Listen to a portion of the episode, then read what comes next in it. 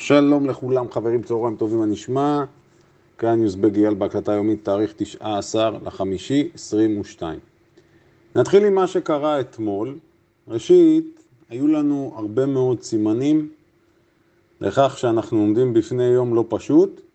זה התחיל למעשה כבר ביום שלישי עם הפרסום של וולמארט.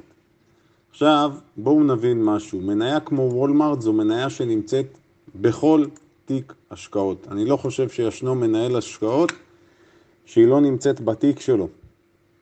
ולכן, ירידה כזו שלא ראינו כמותה בוולמארט מאז שנת 87, ביחד עם מה שראינו אתמול בטארגט, נכון, שווי השוק של וולמארט 400 מיליארד, בטארגט היה בערך 100 מיליארד, ירידות כאלה חדות לא ראינו מזה עשרות שנים. לכן, באופן אבסורדי, העליות שהגיעו ביום שלישי, כאשר פאוול דיבר שמה, אה, פשוט מאוד היו פייק. ולכן ראינו את זה בנפח מסחר נמוך, ואני מבחינתי התמקדתי באמירה שלו, כאשר הוא מבין שהוא חייב לבלום את האינפלציה בכל מחיר, ואני מדגיש, בכל מחיר. אז היה זה אך טבעי שאתמול הייתה הזדמנות מצוינת, במיוחד לסוחרים האגרסיביים, כאשר ב premarket החוזים ירדו 0.5-0.6 וקיבלנו יום שמתגלגל כלפי מטה בצורה אגרסיבית, ולכן הייתי די ברור בהקלטה ואמרתי שהסיכוי לעליות ביום כזה הוא נמוך, ואם כבר יכולה להיות פה הידרדרות כלפי מטה, הבנתי גם שלא מעט מהחברים ניצלו את זה, אז כל הכבוד. לפעמים לא צריך לסבך. בדרך כלל אנחנו אומרים Keep it simple, כמה שיותר פשוט, יותר טוב, וזה מה שקיבלנו אתמול. לאן אנחנו הולכים מפה? אז נפח המסחר אתמול לא היה גבוה. ולרדת כמעט חמישה אחוזים בנפח מסחר שלא מגיע אפילו לממוצע, לחלוטין מעיד על העייפות, לחלוטין מעיד על זה שהרבה מאוד משקיעים וסוחרים זזים הצידה. אני רוצה לומר, מבחינתנו לפחות, הירידות הללו מהוות הזדמנות מצוינת. כמובן, אני אומר שוב, למי שיודע כיצד לפעול. מי שלא יודע כיצד לפעול, ילך לאיבוד. מי שחיפש הזדמנות כניסה לטווח ארוך ובינוני, מקבל אותה, רק צריך לקחת בחשבון. גם בהזדמנויות מהסוג הזה, אין להתייחס למניות מסוגים שונים או לקרנות סל מסוגים שונים, אין להתייחס באותו אופן. כל מקרה מחייב הבנה עם מה אנחנו מתמודדים. מבחינת משהו שתפס בצד את עיני בדוחות של וולמארט וטארגט, יש כמה נקודות שהן פשוט קריטיות להבנה של הסיפור הנוכחי. פעם אחת, אנחנו מקבלים בצורה הכי חדה וברורה משתי חברות שהן חברות ענק. חבר'ה, יש פה אינפלציה, המחירים עולים, הוצאות התפעול שלנו עולות בצורה קיצונית. לזה צריך להוסיף, הייתה תקופה מאז משבר הקורונה שהיה מחסור והייתה מצוקה מבחינת מלאים. החברות הצטיידו במלאים, כרגע המחסנים שלהם מפוצצים, ויחד עם זאת הם מדברים על זה שהתחזית להכנסות יורדת. אז זה עוד יותר מכביד עליהן. עכשיו תנסו לחשוב, הצרכנים צורכים פחות, בינתיים הם מנסים לבלום את המחירים, אבל יגיע שלב שלא תהיה ברירה לרשתות והן תיאלצנה להעלות את המחיר ואולי אפילו בצורה דרסטית, אבל הן תקועות עם מלאים גם. בקיצור, זה רק מסבך את התמונה. נציין בהקשר הזה שגם קוסטקו, COST, גם דולר טרי ועוד רשתות רבות קמעונאיות חטפו פשוט ירידות מאוד מאוד חזקות. מי שרוצה יכול גם להסתכל על קרן הסל, אל ה-XLY, ולראות שהיא רחוקה מהשיא שלה, היא נסחרה ב-200, כמעט 20, 215, כרגע היא באזור ה-140. בהחלט סיפור מאוד מאוד משמעותי. הלחץ הזה, ופה אני רשמתי בצורה מאוד ברורה אתמול, הפט ברא גולם שקם על יוצרו. מה הסיפור הגדול? תראו, אה, אנחנו מכירים תופעות רבות, במיוחד כשזה מגיע למשברים, בודדים האנשים שמוכנים לקחת אחריות. עכשיו, התפקיד של פאוול באמת תפקיד כפוי טובה, אבל אני רוצה להקריא לכם מה אומר בן ברננקי, הנגיד שהיה בזמן משבר הסאב פריים. מה שהוא אומר בצורה מאוד פשוטה, כרגע יש חשש מסטגפלציה, ואני חושש, בצורה כזו או אחרת, הוא אומר, שמי שאשם בזה זה הנגידים שהגיעו אחריי. עכשיו, בואו נהיה מציאותיים. ברננקי שפך כל כך הרבה כסף והציף את השוק בזמנו, ולבוא ולהגיד עכשיו, או לטעון בספר שלו, שהנגידים שבאו אחריו אשמים במצב, מה אני אגיד לכם? לא להיט בעיניי. ואם אני אחבר את זה למה שפאוול אמר, מדוע, לא מעט חברים שואלים אותי, אייל, מה יש לך נגד פאוול? באופן אישי אין לי נגדו שום דבר, יכול להיות שהוא גם בחור נחמד מאוד, ואולי גם כיף לשבת איתו ולעשות איתו מנגל. אבל פאוול, יש לו את כל המידע וזורם אליו בכל הערוצים האפשריים. ואם הוא אמר לפני מספר חודשים, כל הזמן אה, חזר על המושג הזה transitory, כלומר זמני, האינפלציה היא זמנית. וכרגע הוא אומר שהאינפלציה היא עיקשת, יש לי בעיה איתו, כמובן הזגזוגים שלו בשנים קודמות, כאשר הוא החל להוריד את הריבית, שינה את דעתו, הכסף שנשפך בזמן הקורונה, הפעולות של ההרחבה הכמותית, ואם אני צריך לסכם את זה במשפט, מי שמכיר אותי שנים יודע שמעל כל הסיפור של מה שקורה בעולם הכלכלי, יש משפט, והמשפט הזה אומר, אנחנו נמצאים, או התייחסות למצב, אנחנו נמצאים בניסוי הכלכלי הגדול ביותר בעולם מאז שאנחנו לפחות מכירים אותו בהיסטוריה המודרנית. שפכו כסף בלי סוף, ואחרי 40 שנה האינפלציה מרימה את הראש, ולכן השינויים, עכשיו לא פעם שמעתם אותי אומרים, יש פה שינויים טקטונים. אז זה בדיוק מה שקורה כרגע. והאם אנחנו יודעים כיצד זה יסתיים? לא. אנחנו יודעים שיש פה מלכוד.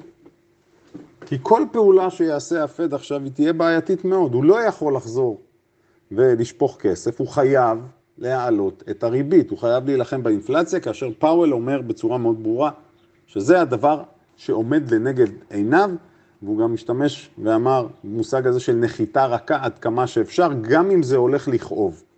כלומר זה יכאב, אבל אנחנו שואפים לאיזושהי נחיתה רכה. מבחינת רמות מחיר, אני מזכיר, ב-QQQ אנחנו מדברים על רמת ה-280-282, אנחנו ממש קרובים לשם. זו פעם שנייה שאנחנו מתקרבים, פעם קודמת היה באונס כלפי מעלה, זו רמת מחיר שהיא בהחלט רמה קריטית. ירידה מהרמה הזו של ה-280 למעשה יכולה להוביל לגל מכירות נוסף. הרמה הבאה המשמעותית, יש, ישנן רמות ביניים, הרמה הבאה המשמעותית היא רמת ה-250, בדרך יש לנו 270-260, אבל 250 זו רמה חזקה. אם אנחנו מסתכלים באחוזים, הנסדק כמעט 30 אחוז משיאו, 28 אחוז, ה-S&P 19 אחוז, והתחשב בזה שהנסדק עלה חד מאוד וה-S&P קצת פחות, אז אנחנו מקבלים איזושהי, מה שנקרא, תמונה שהיא הגיונית בסופו של דבר. מי שחושב ופועל לטווחים ארוכים וחיפש הזדמנות כניסה לשוק, אז כניסה באמצעות קרנות סל במנות זה דבר שהוא הגיוני בתקופה כזו, למשקיע ארוך טווח בהחלט. אנחנו אמרנו אופטימיים. מי שמתוחכם יותר אז יודע לנצל את התנודתיות לשני הכיוונים ויכול גם לחפש פוזיציות במניות בודדות. אני רוצה להקריא לכם קטע שפשוט חזק מאוד ואני לא יודע כמה מכם ראו את זה וקראו בעצמם. אבל יש פה כמה דברים שהם מאוד חזקים ברמה שהם ממש מפתיעים. תכף תבינו על מה אני מדבר. אני מקריא לכם התייחסות ממדינה בעולם שחווה כרגע את המשבר בדרך שלה. שני שלישים מהאזרחים דיווחו כי הם סגרו את החימום בביתם. 52 אחוזים מדווחים כי הם יוצאים פחות למסעדות או אירועים כדי לצמצם הוצאות. 44 דיווחו כי צמצמו את השימוש בכלי רכב. שיעור זהה דיווח שהוא החליף את המקום בו הוא מבצע קניות במטרה לחפש מוצרים או סל מוצרים זול יותר. 29% ביטלו שירותי סטרימינג או מנוי לכבלים, 27% דיווחו כי הפחיתו את מספר הארוחות במהלך היום, 19% דיווחו על לקיחת הלוואות כדי לשלם חשבונות. אם אני, על סמך מה שהקראתי לכם, אתם יכולים לשער באיזו מדינה אנחנו, על מי אנחנו דנים פה? רמז, רמז, זו אינה מדינת עולם שלישי. מי שהצליח להבין על הכיפאק, מי שלא מדובר בבריטניה. זו בריטניה, זו לא מדינה באפריקה, זו לא מדינה בדרום אמריקה. אוקיי? Okay? זה בבריטניה, השפעה כל כך מהותית על מדינה שנחשבת למדינה חזקה, זה סיפור, איך שאנחנו לא הופכים את זה. אני מזכיר, מדד המחירים עלה בערך בתשעה אחוזים, והוא שובר פה שיאים גם של עשרות שנים. אז אם זה קורה שם, זה קורה בכל העולם, זה קורה גם אצלנו, זה קורה בארצות הברית. הבריטים מנסים לסבסד כל מיני עלויות, במיוחד במה שקשור לאנרגיה. האם זה יעזור, כן או לא? לא יודע. בכל מקרה, במצב הנוכחי, כאשר הבנק המרכזי הבריטי מעלה את הריבית, הוא מסבך עוד יותר את האזרחים, כלומר, אנחנו הולכים לכיוון הזה של סטגפלציה. מחירים עולים ומיתון. גם בישראל אנחנו במצב, כרגע אנחנו לא מרגישים את זה מספיק. בישראל יש או ישנם הרבה מאוד אנשים שיש להם הרבה מאוד כסף פנוי. אני אומר את זה חד וחלק מידיעה. יש פה שכבת שומן רצינית. יחד עם זאת, לאור מה שאנחנו רואים כרגע, ההתייקרויות, העלויות של המשכנתאות, עלויות האשראי, המכה שחטפו עובדי ההייטק, ולמכה שחטפו, שחטפו עובדי ההייטק אנחנו עוד נקדיש הקלטה. כל זה ביחד מייצר לחץ. וגם פה אנחנו נראה את ה... לדעתי את הברקסים. מדברים על 4% אינפלציה, זה לא באמת מה שקורה פה, אנחנו יודעים שהאינפלציה פה הרבה הרבה יותר גבוהה, לפחות פי 2 זו דעתי. אה, אני גם אסביר לכם איך הגעתי לזה מיד. אז זה ברמה הזו. עכשיו, ההשפעה של הדברים הללו תגיע, תתגלגל אלינו.